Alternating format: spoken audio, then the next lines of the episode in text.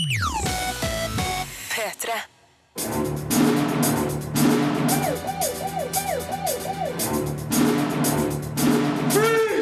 Filmpolitiet! What's your name, dude? Eh, Birger Vestmo. What kind of stupid name is that? Entourage er mer et fenomen enn en film, men er morsom. Fallout Shelter er et fint nettbrettspill, men bare i et par timer. Mummitrollet på Rivieraen er en kjærlighetserklæring til Tove Janssons figurer og univers. United Passions, historien om Fifa, er en real drittfilm. Og vi har sett de første episodene av de nye HBO-seriene Ballers, True Detective 2 og The Brink, som samtlige har premiere på mandag. Dessuten skal vi diskutere avslutninga av Game of Thrones sesong 5 og de viktigste nyhetene fra spillmessa E3. Filmpolitiet. Filmpolitiet anmelder film. Diddy Chase. Ari Gold. I hear you got something for me. My first movie is Studiohead, and boom, I want you to star in it. TV-serien Entourage gikk over åtte sesonger fra 2004 til 2011. Jeg ramla av etter de første to, men serien har en stor tilhengerskare. De får en spillefilm som avslutning, som er både større, bredere og dyrere. Kinoversjonen av Entourage er mer et fenomen enn en film. Definitivt mer karakterdrevet enn historiedrevet. Den sparker mot både myter og sannheter om stjernelivet i Hollywood, med flere cameoroller av kjente og halvkjente personer. Entourage er ofte morsom, men føles òg litt poengløs. Den største gevinsten her er å få tilbringe litt mer tid med figurene.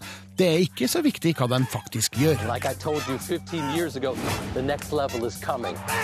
Entourage handler om fire kompiser i Hollywood. Vincent, spilt av Adrian Grenier, er filmstjerne, mens Eric, spilt av Kevin Connolly, Turtle, spilt av Jerry Ferrara, og Johnny, spilt av Kevin Dillon, er påheng med ulike funksjoner.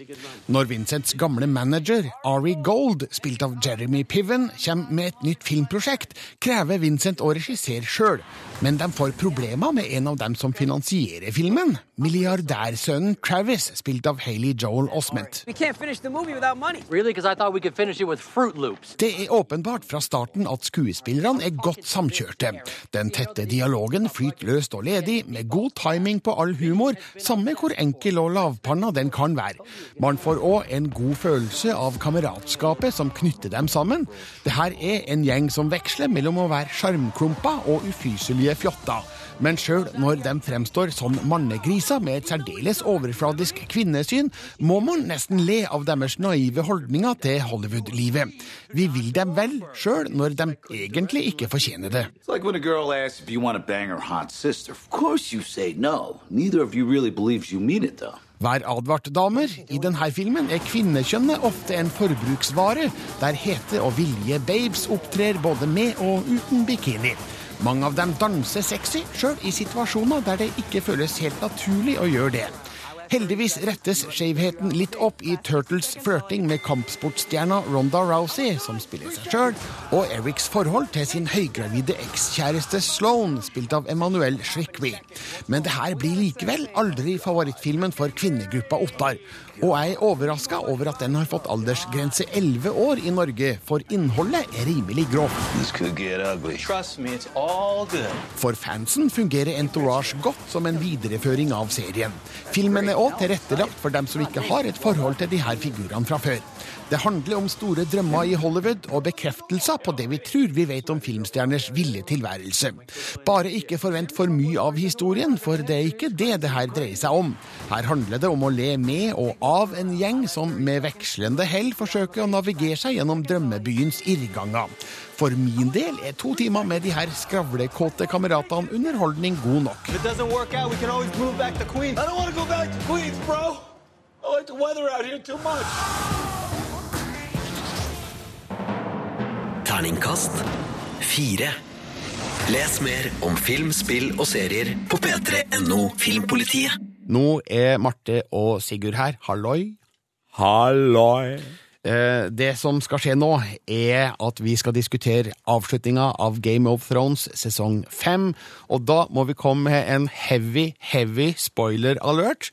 Har du ikke sett ferdig sesongen, så bør du slå av nå og komme tilbake igjen om ja, fem minutter. For her skal vi diskutere fritt hva som skjedde i eh, hele sesongen, og ikke minst i den aller siste episoden. Så vil du ha det her eh, for deg sjøl en stund til? Slå av, skru ned, mute, demp, finn på noe annet. Eh, Vi må bare, vi må, Spoileradvarsel, spoileradvarsel, spoiler, eh, Vi må si det en 20 ganger, tror jeg. Spoileradvarsel! Ja, eh, høres bra ut. Har vi, gjort det, har vi gjort det nok nå? Har alle fått med seg det nå? Nå må de ha fått det med seg. All right. For på mandag var det klart for den aller siste episoden av Game of Thrones, sesong fem. Og den har du anmeldt til en femmer på terningen, Marte. Du var, du var rimelig fornøyd? Ja, jeg var fornøyd, men altså, jeg har jo tidligere gitt, eh, slengt ut noen seksere til Game of Thrones også, sånn at eh, jeg syns kanskje ikke at uh, tempoet i sesongen holdt seg like stødig gjennom hele denne gangen. Det var noen litt sånn ujevne episoder, syns jeg, Ja, men, men- stort sett veldig bra. Men det tok seg veldig opp da, i opp. de siste tre episodene spesielt. Og, Absolutt. og Sigurd, det er vel én episode vi er mest opptatt av her? Det er episode åtte, hvor vi endelig fikk eh, tatt og utvida scopet i serien og ble kjent med liksom, mer kjent med de farene som virkelig truer bak veggen. Og her var vi da i wildingenes eh, hjemby Hardhome, og Kristoffer Hivju eh, jo som ei stjerne i møte med Marte, du må hjelpe meg her. Jeg har lyst til å si zombiehorde. Du må eh, gi det litt mer Ja, presis. altså, eh, eh, White Walkersen De hevet de døde og sendte dem over Wildling-horden. Og det var jo helt spektakulært å se på, var det ikke det? Ja, det var virkelig dyrt. Ja, det var virkelig dyrt, ja. etter en litt rolig start på sesong fem for Kristoffer Hivjus del, så fikk han virkelig breie seg i denne episoden fra, Ja. fra Hard Home, og det var litt eh, gøy å se. Ja, det var veldig gøy. Når han klinka ned eh, Lord of Bones, er det han Ja, det stemmer. når han klinka ned han. Altså, Ja. Man skal ikke fryde seg over eh, vold, men eh, jeg fryda meg over vold, jeg. Ja, men det var jo litt morsomt, fordi at han Rattleshirt, Lord of Bones, han, er i bøkene så dør han tidligere enn dette. Eh, Så jeg var veldig sånn spent på hva er det som skal skje med han egentlig, og da fikk jeg meg en artig overraskelse og hyggelig, og bare dysj, dysj, dysj. For, for Marte, nå er det sånn at eh, serien Game of Thrones har fjerna seg mer og mer fra bøkene. Ja, det har den. Eh, Det er jo på en måte De store linjene er jo de samme, men eh, nå er det en del ting som er avvik. Spesielt f.eks. Sansa sin historie. Den er helt annerledes enn Sansas historie i bøkene. Men det som er litt interessant, er at de har rett og slett valgt en annen rollefigur som heter Jane Poole i bøkene. Eh, Hennes, det som skjer med henne i bøkene, det har de nå gitt til Sansa, da. Så man vet jo på en måte sånn cirka hva som skulle skje, men det var litt eh, interessant. Den eh, siste episoden bøy på et realt eh, sluttsjokk. Det vil si, det var jo flere cliffhangers for flere av figurene her, men vi tenker spesielt på det som skjedde helt i slutten. Der, vi må nesten bare si det. Vi har jo sagt spoiler warning. Ja, vi må gjenta spoiler, Ja, spoiler, spoiler, spoiler. Spoiler, spoiler, spoiler, spoiler. spoiler. John Snow blir da, etter alt å dømme, brutalt myrda Ja. av sine egne Night's Watch-kolleger. Mm. Han tåler jo fort en fire-fem knivstikk i magen, gjør man det? Men ikke sant, det som er så spennende, er at eh, nå har jo rett og slett eh, TV-serien tatt igjen bøkene. Og det er sånn John Jon Snow ender i Dance with Dragons. Altså det, det er det siste vi får høre fra han, eller lese fra han, at han blir knivstukket så mange ganger. Så eh, jeg vet jo like lite som deg, Birger, på hva liksom som skjer nå. Ja, kan han bli altså, gjenoppliva? Ikke sant? Altså, det er jo det jeg håper. Da. Jeg sånn krysser fingrene. Altså, det var, jeg tenker at det, det var kanskje litt sånn der overbevist at Melisandre kom liksom til The Wall akkurat i den episoden. Så jeg tenker sånn hm, Hun har jo noen magiske evner, den dama der. Vær så snill, da. Hjelp bare bryte inn og si spoileradvarsel, spoileradvarsel, spoileradvarsel til eventuelt nye lyttere. Ja, det her er jo bare spekulasjoner fra min side, for jeg vet jo ingenting. Men jeg håper at Melisandre kan, eh, kan hjelpe Jon Snow, rett og slett. Så det blir veldig veldig spennende å finne ut neste sesong. Ja, ja, for sesong seks den skal jo selvfølgelig spilles inn og gå Yes. på TV neste år. Og ja, hvilke forhåpninger har vi til det? Ah, nå, er jo, nå er jeg jo så spent. Altså, eh, forfatter George R. R. Martin han har sagt at han virkelig jobber hardt nå med å prøve å få ferdig neste bok før TV neste TV-sesong kommer ut. Um, men altså, jeg aner jo virkelig ikke hva som skal skje, og, så derfor er det liksom ekstra spennende denne gangen. da. Ja, vet dere hva? Nå har de fem minuttene gått, så de de vi ba slå av radioen for fem minutter siden, De har den kan igjen. kanskje ha skrudd på igjen. Så vi, vi må nesten avslutte her. Men uh, Marte, din anmeldelse av Game of Thrones sesong fem den ligger ute på P3N og Filmpolitiet. Mhm. Og så så um, sier vi um, Spoileradvarsel på den også. Ja, vi Ja. gjør det. Tusen hjertelig takk. Filmpolitiet anmelder spill. When the bombs fall, most shelters will provide minimal protection against the horrors of nuclear war. Thankfully, Vault-Tec has manufactured the top-of-the-line underground shelter to protect our friends and neighbors. Congratulations, friend! You have been selected as a Vault-Tec overseer. You will have total authority to create the perfect underground community. På tirsdag ble Fallout 4 annonsert under spillmessa E3.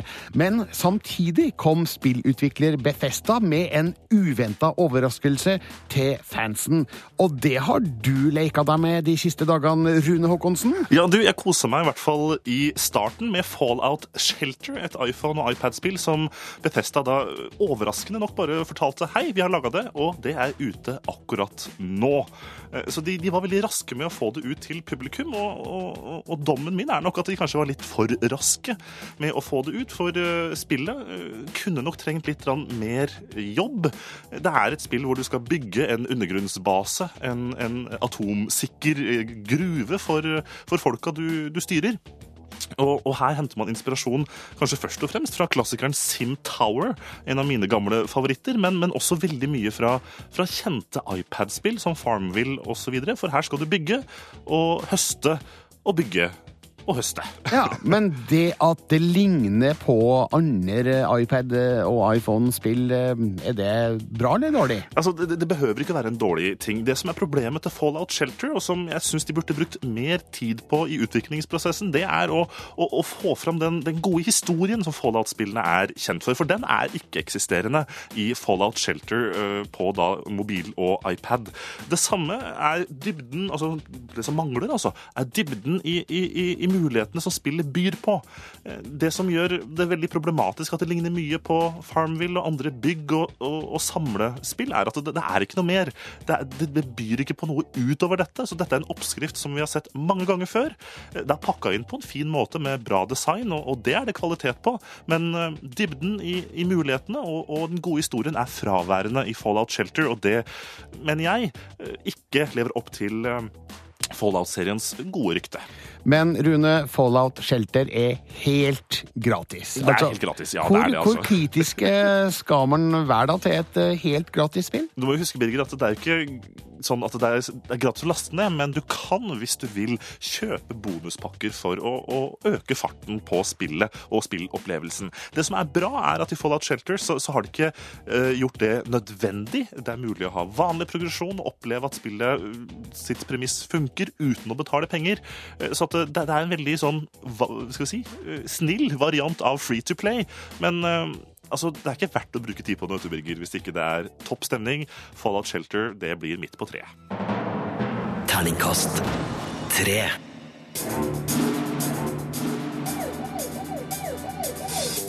Ganske mange så filmen Kingsman The Secret Service på kino. Faktisk er det her den ellevte mest sette filmen i år så langt, med 136 817 besøkende, ifølge filmweb.no. Denne uka kom Kingsman The Secret Service ut på Blu-ray, DVD og strømming, og da kan du gi den en ny sjanse. Her er min anmeldelse fra kinopremieren. Filmpolitiet anmelder film. We are an independent international intelligence agency operating at the highest level of discretion. Som gammel Bond-fan er jeg mottagelig for en kjærlig satire over agentfilmer. Regissør Matthew Vaughns Kingsman The Secret Service trykker på de rette knappene. Dette er kanskje ikke banebrytende actionfilm, men underhell energisk med en gladvoldelig innstilling, innforståtte vink til sjangeren og en desidert britisk tilnærming til figurene. Colin Firth boltrer seg i en morsom rolle som gentleman med en helt spesiell paraply. I've never met a tailor before, but I know you ain't one. Come with me. Harry Hart, spilt av Colin Firth, er en Kingsman, en agent i et hemmelig privat byrå med base i London, leda av Arthur, spilt av Michael Kane. Akkurat når byrået trenger en ny agent, kommer Harry i kontakt med Eggsy, spilt av Taron Egerton. Han er sønn av en tidligere Kingsman-aspirant, og Harry tror Eggsy har det som skal til for å bli agent. Han begynner på en krevende agentskole under ledelse av strenge Merlin, spilt av Mark Strong, samtidig som dataeksperten Valentine, spilt av Samuel L. Jackson, truer verden med farlige planer. Sounds like a lot of people are going to die. Helt fra starten er det åpenbart at regissør Matthew Vaughn har som hensikt å more og underholde. Gamle agentfilmer er malen her. Sjøl figurene refererer ofte til James Bond som et slags forbilde. Kingsman-byrået har et preg av gammel stil og eleganse over seg, og stikker seg kraftig ut i historiens moderne omgivelser. Vaughn bruker denne kontrasten til å fortelle en spenstig og fartsfylt historie, der usannsynlighetene står i samme kø som morsomhetene. You know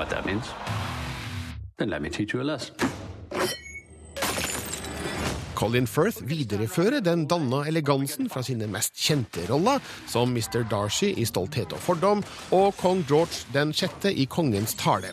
Den største forskjellen er at han her òg er actionhelt med ekstreme ferdigheter og en paraply som sitt farligste våpen. Eggsy er Harry Harts rake motsetning, en gatesmart tøffing med en røff fremtoning.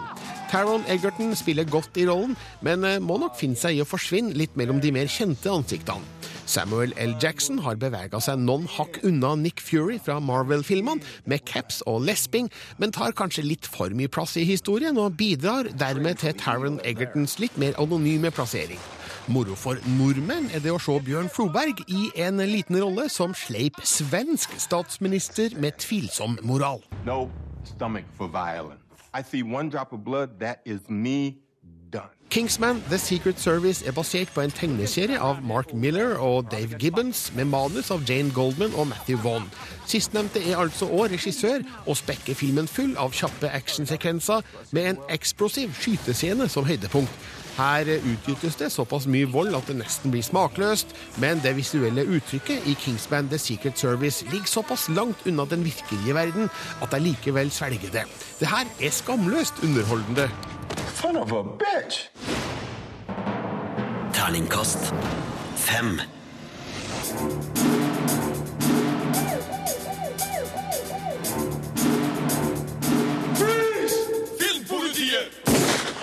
I går ble den store spillmessa E3 avslutta i Los Angeles, en av de viktigste stedene for annonsering av eh, kommende spill og konsollnyheter. Marte Hedenstad, du fulgte det her for Filmpolitiet på nett, og eh, ja, hva var det viktigste som kom fra E3 i år? Ja, det var jo uh, mye forskjellig. Uh, og det, var, det, som var litt gøy, var at vi fikk eh, flere måte, annonseringer av ting vi hadde venta på. Men det som kanskje satt standarden ganske tidlig, og på en måte, måte vise på en måte hvilken type folk da, som er på E3, det var da Xbox-sjefen Phil Spencer annonserte at Xbox One blir bakoverkompatibel, for da ble det skikkelig skikkelig jubel i salen. Hør på det her. Today, I'm pleased to announce Xbox One backward compatibility. Ja, folk gikk av skaftet, rett og Altså slett. Seriøst, hvem er det her? Er de kjøpt og betalt for å juble? altså? Nei da, det er, eh, det er eh, I salen her så sitter det alt fra journalister, men også vanlige folk, eh, som rett og slett er fans. Så det er derfor de jubler såpass høyt, da, ikke sant. Nå Ja. kan de endelig dra frem de gamle Xbox 360-spillene sine, i hvert fall noen nå i starten, eh, og begynne å spille på sin Xbox One. Og det er ganske kult, da. Ja, men vet du hva? Jeg får liksom ikke Ja, jeg nikker og sier ja, Ja. kult, men å juble sånn uhemma, Sigurd Ja. Vik, hva syns du? Nei, altså, det, det, det skulle jo bare mangle, egentlig. Ikke men eh, Ja, men ikke i og med at eh, verden ikke er bygd opp rundt eh, prinsippet 'skulle bare mangle', så må man jo juble for det man får, og, og jeg, jeg er superhappy, jeg. Ja. en, eh, Men backward compatibility ja! Ja, ikke sant? Men det er, sånn, det er sånn som skjer når eh, disse forskjellige selskapene gir fansen det de vil ha. Eh, Og en annen stor nyhet eh, der fansen virkelig fikk det de vil ha, det eh, var nemlig The Last Guardian. Det er et spill som jeg venta så lenge på. Det ble annonsert i 2009.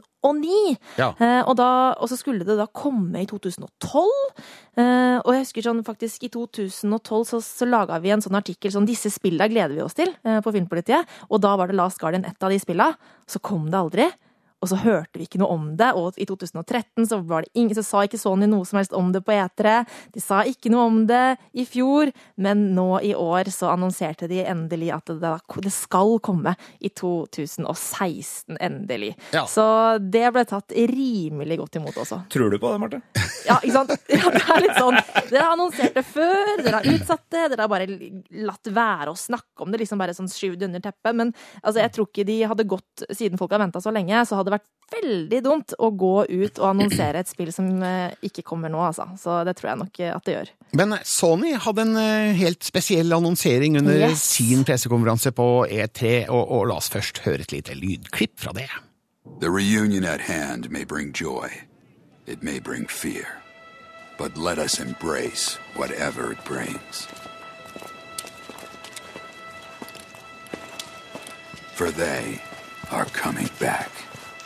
All right. Yes. Hvem er det som kommer tilbake, Marte? Og det her er gåsehud, altså. Det er nemlig Final Fantasy 7. Altså eh, kanskje det mest elskede I hvert fall et av de mest elskede spilla i historien. Eh, som fansen har liksom etterlengta. Vi vil ha en remake, vi vil ha en remake. Vær så snill, kan du Altså, lage det på nytt? En remake, En remake! av et dataspill? Rett og slett. Og, og apropos bare gamle ting her, hørtes det ikke ut som Mel Gibson, den eh, trailerstemmen? jo, kanskje lite grann. Nei, men altså, eh, Final Fantasy 7 er på en måte Square Enix eh, sin eh, altså, ja, absolutt liksom største klassiker, da. Og det er et spill som har satt standarden for historiefortelling på spill. Um, og man har virkelig lenge ønska å få høre denne historien på nytt, og, det skal man nå gjøre. Og, det som er litt interessant, er at de har sagt at dette blir en sånn full blown remake. De skal, de skal ikke bare liksom ta det gamle spillet og gjøre det finere, de skal lage det helt på nytt helt fra bunnen av. Skal se på hva var det som ikke funka i det forrige spillet, hva skal vi gjøre nytt, og det er ikke sikkert at historien blir 100% lik heller. Så det blir veldig, veldig spennende å se. Jeg kan, jeg kan si at det var rimelig stor jubel i salen da det her ble annonsert også. Det var folk som reiste seg og liksom veiva med armene og sånn. De tok helt av. Så Bare, bare det ikke blir en sånn Total Recall-remake? Å nei, nei, det vil vi ikke ha. Det er jo kjempespennende. da. Altså, tenk om de ødelegger historien fullstendig, liksom. Det er jo farlig, farlig. Takk, Marte og Sigurd. Mer om E3 finner du på våre nettsider p3.no Filmpolitiet. Filmpolitiet anmelder film. Rivieraen. Så glamorøst. Kasinoer, gambling, musikk. Hvorfor kan vi ikke dra til Rivieraen? Ja, hvorfor ikke? Å, Mummi. En sjøreise er sunt for sjelen. Når man skal lage film basert på illustrerte barnebøker, som mange har et nært forhold til, bør man enten gjøre noe helt nytt, eller holde seg nær kildematerialet. Regissør Xavier Picard har valgt siste alternativ i filmen Mummitrollet på Rivieraen. Her blir forfatter og tegner Tove Janssons univers skildra akkurat slik hun sjøl gjorde i sine bøker og tegneseriestripa. Det er på mange måter en skjønn og sjarmerende film, en vellaga kjærlighetserklæring til Janssons figurer, men samtidig litt saktegående, spesielt for eldre barn og dem som mangler nostalgiske følelser for Mummitrollet. For et sted. Vårt eget svømmebasseng. Snorkfrøken er fascinert av glitter og glamour. Derfor bestemmer Mummifamilien seg for å dra på ferietur til Rivieraen, inkludert Snorkfrøken og Lille My. Etter en strabasiøs sjøreise blir de innkvartert på Grand Hotell under det noble navnet De Mumi. Men møtet med det fasjonable miljøet med kjendiser og rikfolk forårsaker problemer innad i Mummifamilien. Og når Snorkfrøken blir kjent med en kjekk playboy, kjenner Mummitrollet et aldri så lite stikk av sjalusi. Den er til deg. Å, tusen takk. Jeg må snakke med deg. Ikke nå, Mummi. Det skjer morsomme kulturkollisjoner når finske figurer fra Mummidalen møter finkulturelle franskmenn. Filmen handler om konfliktene som oppstår når man forsøker å late som man er noe annet enn det man er. Den trygge og ukontroversielle moralen er å være tro mot seg sjøl. Fortellinga virker altså å være i Tove Janssons ånd. Humoren er lun, og problemstillingene er milde. Historien har en bedagelig atmosfære, som for mange kan være en forfriskende avveksling til barnefilmer som holder et frenetisk tempo, men gjør det òg litt utfordrende å fange publikums oppmerksomhet gjennom en hel film. Madame, monsieur, de Er ikke dette litt overdrevent, kjære? Mummitrollet på Rivieraen vil trolig passe best for de yngste barna og foreldrene deres. Eldre barn vil kanskje synes historiens fremdrift er litt treg, sjøl om filmen bare er 76 minutter lang. Også jeg kjent snev av lett kjedsomhet iblant. Men historien i denne filmen er tidløs, og vil nok finne resonans hos et bredt publikum. Det er ikke uten grunn at Tove Janssons bøker og tegneseriestriper fremdeles er høyt verdsatte. Mummitrollet på Rivieraen gjør ære på forfatterskapet på et solid og godkjent vis. Dette er det livet jeg er skapt for. Terningkast fire. Tre serier har premiere på HBO kommende mandag, nemlig Ballers, The Brink og True Detective sesong to. Alle tre skal vi snakke om nå fremover her i Filmpolitiet, og vi starter med Ballers. Filmpolitiet anmelder TV-serie. Football has a way of making a man feel invincible. You look like you could still play. I'm concentrating on the other side of the ball these days. We have the best sports management division in the business. I hired you for players. You're gonna have to Monetize my friendships. Ja, Hovedrollen i Ballers spilles av Dwayne Johnson, som har hatt et aktivt år for den, sier Marte Hedenstad. Ja, han har jo virkelig fått kjørt seg med både med San Andreas og Fast Furious 7, så han er en, et tryne vi har sett en del i det siste. Og i Ballers eh, spiller han pensjonert fotballspiller. Ja, eh, det gjør han. Han eh, har da vært tidligere sånn svær fotballstjerne, og nå må han da liksom klare seg eh, som pensjonert eh, fyr. Og han er jo fortsatt liksom supertrent og fitt og alt mulig, men han eh, er nå da en finansrådgiver, og det høres kanskje litt sånn tørt ut, men han, han må liksom prøve å få sine gamle fotballspillervenner som fortsatt er i spillet, og liksom signe dem, da. Um, og den serien her, eh, den minner meg egentlig lite grann om eh, Entourage, eh, i måten den er bygd opp på. Det er liksom sånn litt sånn stjernelivet eh, i USA, for det er ganske mye bling og glam og penger som flagrer eh, Mm. når fotballspillere skal på fest. Ja, Men Dwayne Johnson er vi vant til å se omgitt av masse action og Ja. effekter. Hvordan funker han i en eh, serie med mest prat? Ja, nei, vet du hva, jeg syns han gjør seg ganske bra. Eh, jeg, jeg, det har jeg egentlig tenkt over de siste åra, at eh, jeg syns The Rock har på en måte blitt en mer og mer litt sånn seriøs skuespiller. For å ta det og smøre litt ut på, kanskje, men at, han, at jeg tar han mer alvorlig da, i, i rollene han har hatt. Og det er jo selvfølgelig det, det er drama det her, men det er med et glimt i øyet. Og han klarer seg veldig fint. Eh, Det jeg kanskje syns, er at eh, rollefiguren hans, eh, Spencer, det er, altså, det er veldig streit. Det er veldig trygt. Altså, så- sånn at det, det skal mye til for å trå feil her, da. Men jeg syns Dwayne Johnson klarer seg fint i rollen. Men hva med historien rundt figuren hans? Blir du, blir du huka? Ja, altså, jeg tror det her er en serie som passer fint for folk som liker amerikansk fotball. Eh, men eh, jeg er jo ikke sånn kjempeinteressert i det, og jeg føler at ja, det er interessant likevel. For det handler jo veldig mye om livet rundt, da, mer enn om selve sporten. Og han er jo da som sagt avdanka spiller, og han har vært gjennom alt, ikke sant, og skal liksom på en måte rådgive disse yngre spillerne, eh, og på en måte komme med sine sånne faderlige advice. Så det handler om at han på en måte skal holde kontroll på liksom alle de andre unge spillerne som lever ville liv, da. Eh, og det funker. Det er halvtimeslange episoder, eh, så det går liksom ganske fort gjennom. Eh, litt sånn som sagt entourage-oppskrift. Eh, mye liksom eh, rike folk som har sine posses som de reiser rundt med. Mm. Eh, men eh, jeg syns det er eh, greit. Eh, Litt sånn trygt og bedagelig kanskje, men eh, det funker helt greit, altså. Marte, du har sett de tre første episodene Mhm. av Ballers. Du skal Yes. se nummer fire, og så på mandag, når serien har premiere på HBO, da, da kommer anmeldelsen din. Da kommer anmeldelsen min, så får vente og se til da hva terningkastet blir.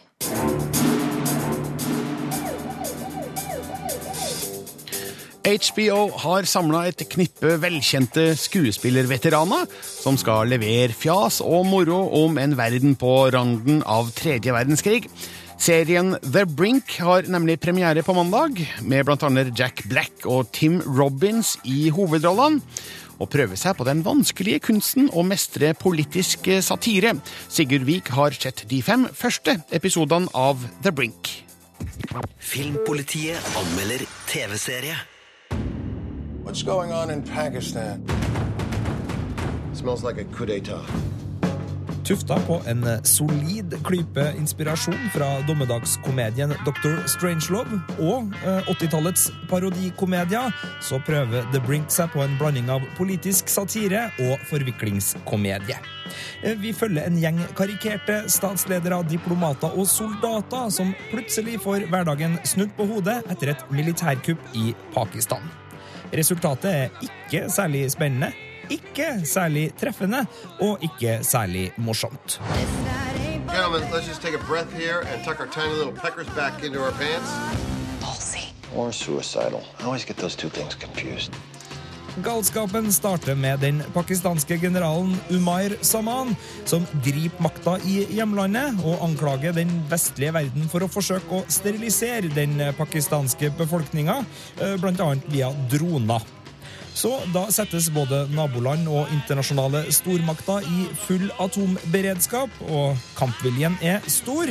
Israel, USA, India og Kina har alle sterke meninger om hva som må gjøres, og hvem som er farligst. Og siden alle de her har sine røde atomkrigknapper, eh, så havner verden forholdsvis kjapt på randen av tredje verdenskrig. We need eyes on the street. Alex Talbot. Let's find out what's going on, then we can start World War III. Tim Robbins er den som funker best av stjernelaget som eh, pryder denne serien. Han er litt kul i rollen som slack og lastefull utenriksminister. Jack Black derimot er typisk Jack Black og spiller dessverre stort sett akkurat samme rolle som han gjorde i filmer som Shallow Hell og School of Rock på starten av 2000-tallet. Han er nok en gang frekk og egoistisk med et hjerte av gull, denne gangen uten spesielt gode replikker. That's no gay pride parade. Det er mye lånt og lite særegent når det gjelder humoren i The Brink. Her er det oppkast, enorme peniser, teite misforståelser, udugelige statsledere, dop, sex og moro med stereotyper.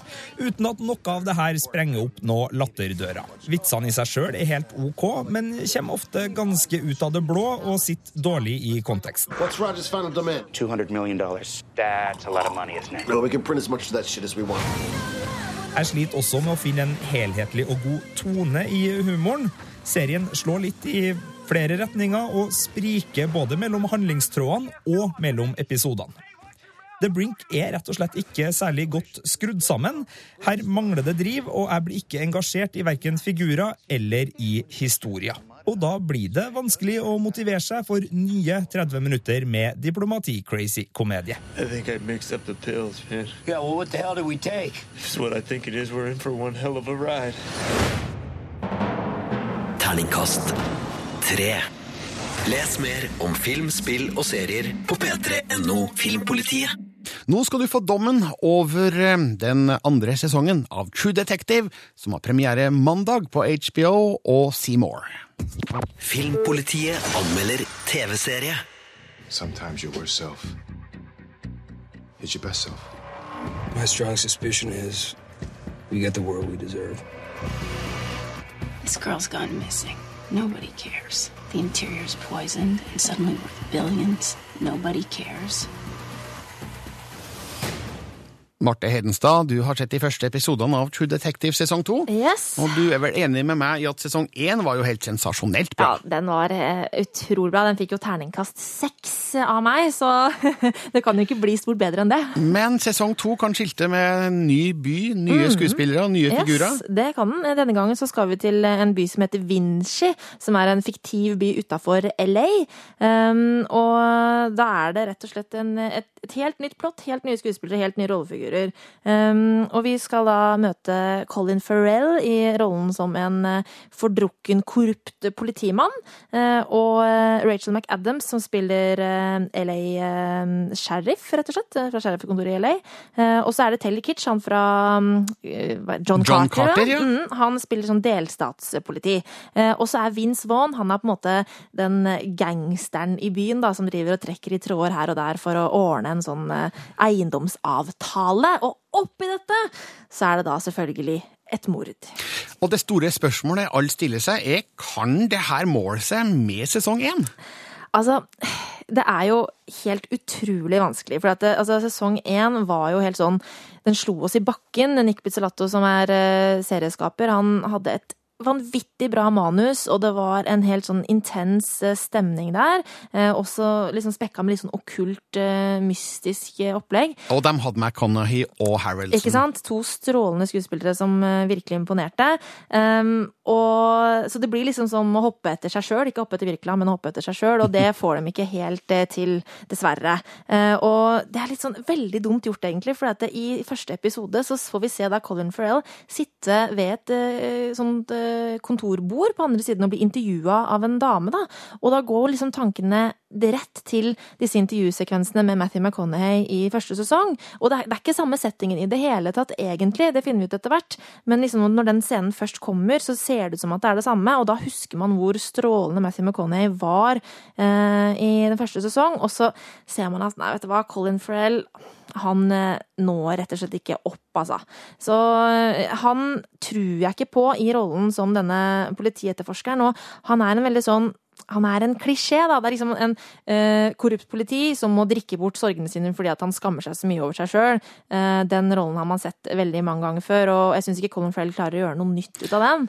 Men eh, Marte, hvis vi for et lite øyeblikk glemmer sesong én Ja, og ser på sesong to av True. Detective uh, isolert sett, den, har, den har kvaliteter? Den har absolutt kvaliteter. Manuset, det er uh, veldig godt. Dialogen her er uh, veldig godt skrevet, syns jeg. Og det er mange sånne, altså sånne fine sekvenser der eh, rollefigurene prater sammen om, om alt mulig annet, egentlig, enn selve mordet. Eh, sånn at eh, den karakterdrevne delen er veldig tilstedeværende, og det funker fint. Og så syns jeg også at Vince Vaughn gjør seg veldig godt som, som denne gangsteren. Han, han er på en måte en fyr som det virker som at han prøver å legge gangsterlivet litt bak seg og sånn, har lyst til å bli legit, Eh, men så er det litt vanskelig når ting ikke går hans vei, eh, og da må han ty til liksom eh, gamle vaner. Og um, han, Vince Vaughn spiller denne liksom, Han er veldig kynisk og, og har, men samtidig så har han en sånn sårhet i seg som gjør at den rollefiguren blir veldig interessant. da. Eh, Så han var den rollefiguren jeg likte best av de fire episodene, nei, tre episodene jeg har sett. Mm. Så Marte, True Detective sesong to, ikke helt som eneren, men verdt å sjekke ut. Absolutt, og stemningen er fortsatt eh, Det er True Detective-stemning her også, altså. Og det her har altså da premiere på HBO og Seymour på mandag. An anmeldelsen til Marte av de første tre episodene finner du på våre nettsider med Terningkast fire. Filmpolitiet anmelder film. Our sport has a bright future ahead. Every day, around the world, new federations spring up. will be the Fédération internationale de football association. FIFA. Everything I've done up until this point has been for the good of football. Her hører du litt lyd fra United Passions, den Fifa-finansierte filmen om organisasjonens egen historie, som nå har blitt en gigantisk flopp i USA, et av svært få land der filmen har hatt kinopremiere. The Hollywood Reporter melder at den kun tjente inn 918 dollar i løpet av åpningshelga, noe som må sies å være skuffende for en film med et budsjett på 30 millioner dollar. Vi har fått tak i United Passions på DVD og gitt den til Heia Fotballs Sven Bisgaard Sunde. Velkommen, Sven. Tusen hjertelig takk for et ærefullt oppdrag. Når du nå har sett United Passions, kan du forstå hvorfor den floppa i USA? Det forstår jeg veldig, veldig veldig godt, eh, Birger. Eh, som du sier, den er jo Fifa-finansiert, så det er jo egentlig en sånn det er jo en propagandafilm, eh, så den hører kanskje ikke hjemme på en kino. Eh, Men det er jo litt rart, da, i og med at det har vært så mye haus rundt Fifa, og så mye snakk, at ikke liksom De har solgt billetter for 1000 dollar, at ikke det kom eh, dobbelt så mange, eller fem ganger så mange. Det syns jeg er rart. Ja, det kan vel også ha med å gjøre at USA muligens ikke er verdens mest fotballinteresserte land? Ja, det er nok noe med det. Eh, Det er, ikke, det er vel ikke mange av de som bryr seg om så mye annet i disse tider enn liksom NBA og NHL-sluttspillet som foregår, så fotball er kanskje ikke det, det de bryr seg mest om. Men hva handler United Passions om, egentlig? Eh, Den handler dessverre om eh, Fifas historie fra de arrangerte det første VM-et i 1930, eller fra, fra det ble stifta liksom, på tidlig 1900-tall, og fram til de gir eh, VM i fotball til Sør-Afrika og Nelson Mandela. Ja. i 2010.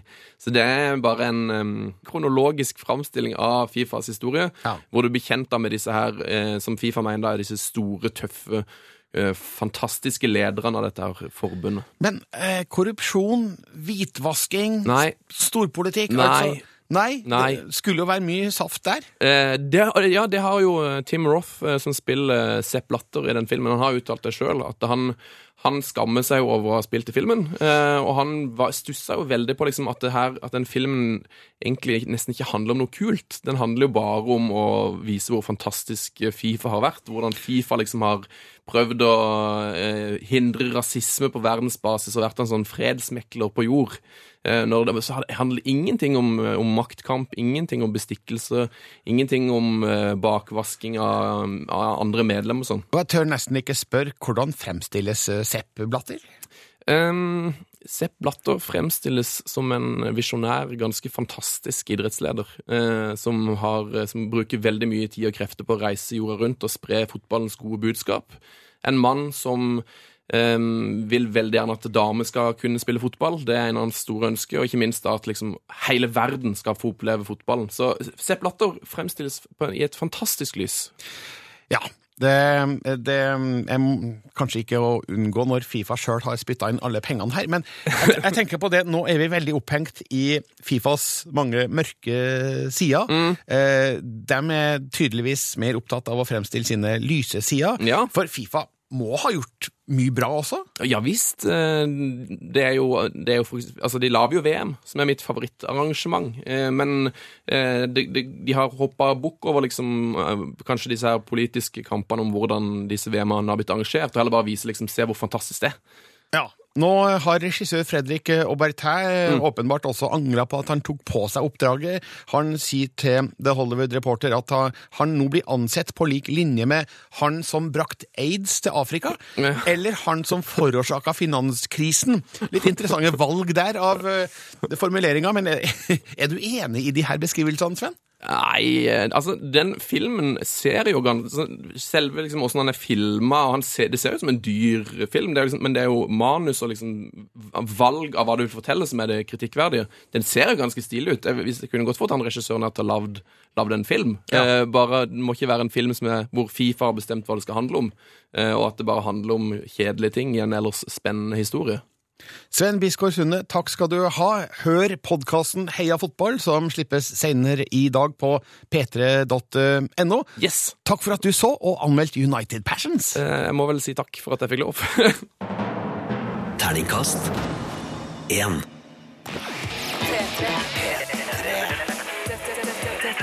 Filmpolitiet Med Birger Vestmo. NRK. P3. Hør flere podkaster på nrk.no podkast. 3.